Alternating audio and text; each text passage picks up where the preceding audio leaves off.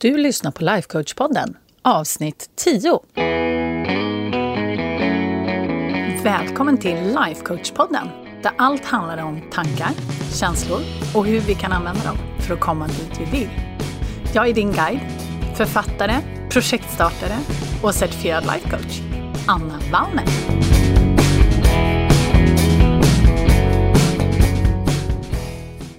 Men hej halloj på er och glad måndag! Hoppas att helgen har varit till belåtenhet, att solen kanske har skinit på dig.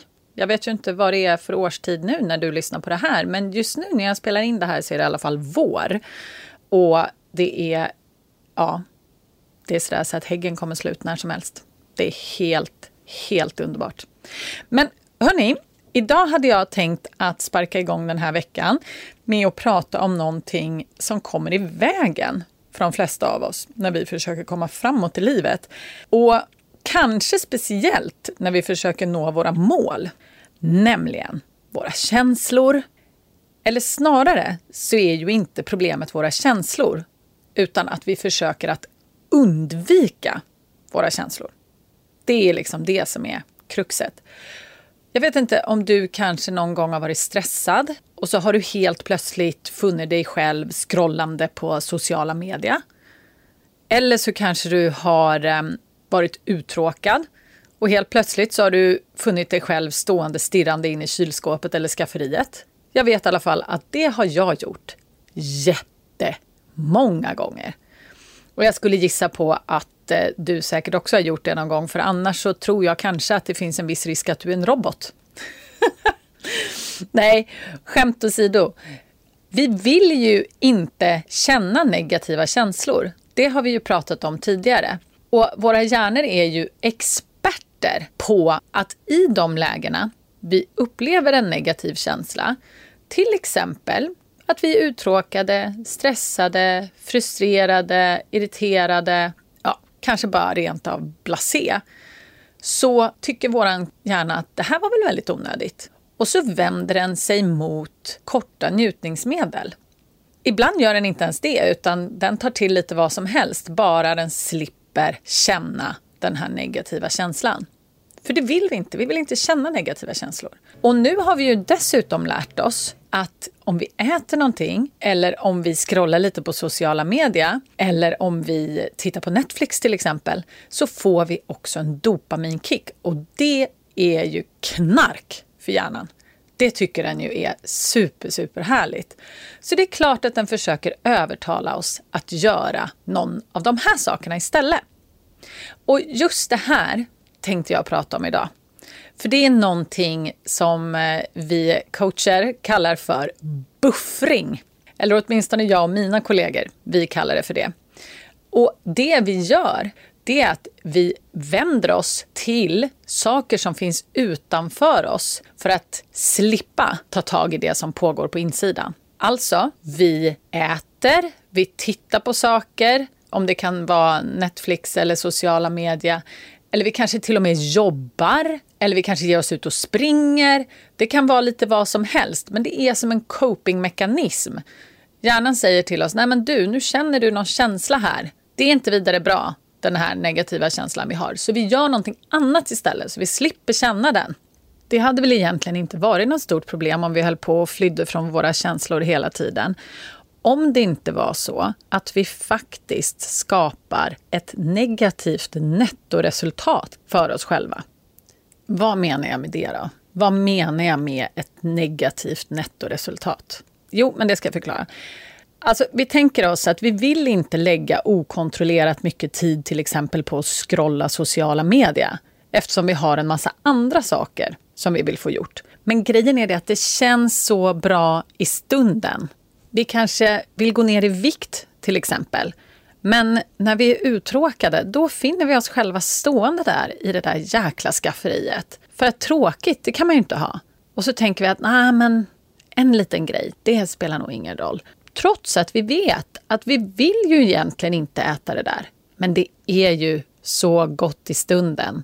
Eller så kanske vi vill dricka mindre. Vi kanske säger att vi ska inte dricka mer än två glas vin i veckan eller vad vi nu har fått för oss. Men så kommer vi hem och är stressade efter en lång dag på jobbet och då är det jäkligt svårt att motstå. Även om vi kanske redan har haft två glas vin den här veckan och har satt det som en gräns. Och då dricker vi hellre ett glas vin än att vi känner den här känslan av till exempel stress. Så vi ger helt enkelt upp det vi vill ha absolut mest för det vi vill ha i stunden.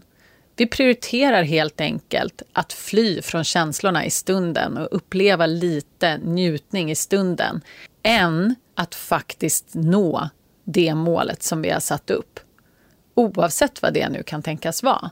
Och det är ju därför jag hävdar att det är ett så stort problem. För att förmågan att inte kunna känna sina känslor och vara okej okay med dem gör ju att vi saboterar oss själva hela tiden.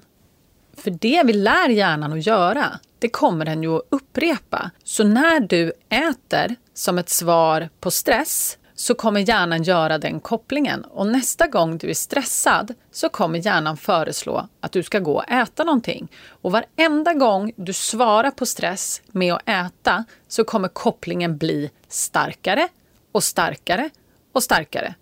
Till slut så kanske den till och med blir så stark så att det sker per total automatik. Så just i det här matexemplet så kommer det ju bli ett jättestort problem för dig om du vill nå ditt viktnedgångsmål. Om det är så att du svarar på din stress med att äta. Så visst, om vi kunde njuta av alla de här äh, falska njutningsmedlen, kan vi väl kalla det för, utan någon som helst konsekvens, då skulle ju ingen bry sig. Men det finns ju konsekvenser. Den här buffringen som vi håller på med när vi vänder oss från våra känslor skapar ju massa problem för oss. När vi buffrar med mat eller shopping eller vad det nu kan tänkas vara, så är ju det bara en temporär lösning på den här negativa känslan. Den negativa känslan kommer ju alltid komma tillbaka. Och om lösningen då är att till exempel äta eller att handla så kommer vi ju få de här negativa resultaten. Det vill säga vi går upp i vikt eller sätter oss själva i skuld. Och det vill vi ju inte. Och enda anledningen till att vi gör det, det är ju för att vi inte är okej okay med att känna våran känsla. Så vad är alternativet då? Ja, vi skulle ju kunna lära oss att känna våra känslor, till exempel. Det skulle ju lösa mycket av problemet, för då skulle vi ju inte ha det här behovet av att okontrollerat till exempel scrolla på Instagram så fort vi blev uttråkade. Vi skulle inte äta så fort vi kände oss stressade. Vi skulle inte nätshoppa så fort vi kände oss lite frustrerade eller missförstådda. Och om vi lär oss att känna våra känslor på ett djupare plan, då kommer vi ju också lära känna oss själv så himla mycket mer och så mycket bättre när vi liksom har lärt oss så pass mycket om oss själva och vi har lärt oss att känna våra känslor, då finns det ju ingenting att vända sig ifrån. Det finns inget problem. Jag brukar ofta återkomma till att det absolut värsta som kan hända i livet, det är ju en känsla. Men om vi då inte har ett problem att känna den känslan, nej, då, då är vi ju typ helt ostoppbara. Så att om du kan lära dig att känna alla dina känslor utan att sätta igång och buffra med vad det nu kan tänkas vara du använder för att buffra. Det kan ju vara vad som helst. Så genom att lära dig att känna dina känslor så kommer du ju kunna leva ditt liv absolut till max. Du kommer kunna nå dina mål utan problem, för det finns ingenting som stoppar dig. Om du tycker att det är läskigt, ja, ja men rädsla det är en känsla. Den går att komma förbi om man inser att det faktiskt inte är ett problem. Våra känslor är inte ett problem och när vi slutar tro att allting ska vara så himla njutningsfullt och underbart och fint och glatt hela tiden och att det faktiskt också, ungefär kanske 50 procent av tiden, faktiskt inte är så himla tjolahopp tjolahej och det är faktiskt inte riktigt meningen heller. Då börjar vi liksom falla in i en, en verklighet som gagnar oss på ett helt annat sätt. Det är okej okay att vara uttråkad utan att sätta igång och äta. För om du sätter igång att äta så fort du är uttråkad, då kommer du kanske skapa dig den här övervikten som du inte vill ha. Och det lär vara ett större problem för dig än att du faktiskt är lite uttråkad då och då. Så det vi liksom vill komma till genom att lära oss att känna våra känslor så vi kan sluta att buffra, det är ju att på ett långsiktigt sätt kunna njuta av våra liv och kunna vara människor fullt ut och inte försöka fly ifrån halva av vår existens på bekostnad av det vi vill absolut mest, det vill säga våra mål. Och att vi i och med att vi gör det faktiskt kan leva och vara liksom den versionen av oss själva som vi faktiskt vill. Tänk dig att du slutar buffra med vad det nu kan tänkas vara. Hur skulle det förändra ditt liv? Vilka mål skulle du nå om du slutade till exempel scrolla på Facebook varenda gång? För en person som till exempel vill bli skuldfri, om den personen kunde lära sig att känna sig uttråkad utan att vända sig till nätshopping så skulle det förändra rätt mycket skulle jag gissa på.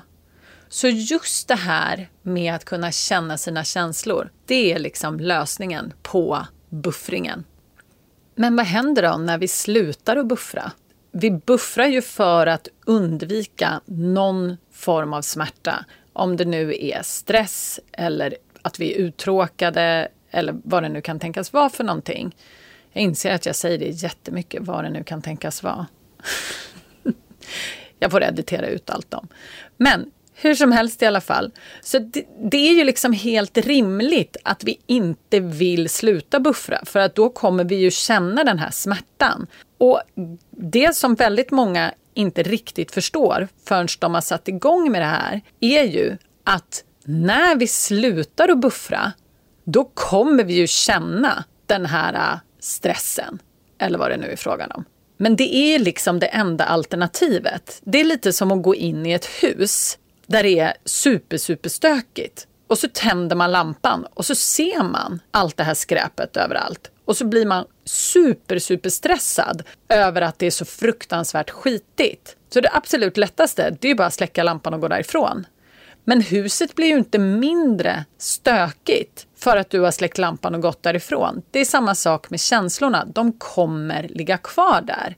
Och den underliggande anledningen till att du känner stress eller att du är uttråkad, den kommer ju finnas kvar. Det är ju bara att du inte ser det eftersom du hela tiden undviker känslan och buffrar. Känslor vi har, har vi av en anledning. Och vi måste sluta buffra för att kunna se ibland varför vi har de här känslorna. Så vårt jobb är ju liksom att säga, ja okej, okay, det här är skitjobbigt, men jag kan hantera det här. Och jag kommer att hantera det här. För när jag är ute på andra sidan så kommer jag ha fått så många svar. Om vi tänder lampan i huset, om vi ska fortsätta med den metaforen, då kan vi ju städa. Då ser vi ju vad det är vi behöver städa. Och grejen är det att om vi slutar äta, till exempel som buffring, jag vet att jag använder det, men det är för att det har varit mitt sätt att buffra. Så då kommer skiten upp.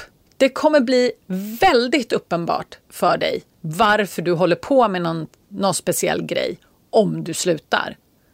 Jag hade en klient som ville sluta dricka och eh, när hon slutade dricka, då blev det väldigt uppenbart vilka känslor det var hon försökte undvika. Och då kunde vi börja titta på varför hon överhuvudtaget hade de känslorna eh, till att börja med överhuvudtaget. Och när man kan komma dit, då kan man ju börja rodda liksom med grundproblemet. Så frågan är ju liksom, vad är det stökiga. Vad är det som är röran som behöver bli uppstädat inne i kanske ditt huvud? Och varför håller du på och buffrar med vad det nu är du håller på och buffrar med? När vi slutar buffra, då kan vi börja leva våra mer sanna och fulla liv, enligt min åsikt. Och det är så värt det.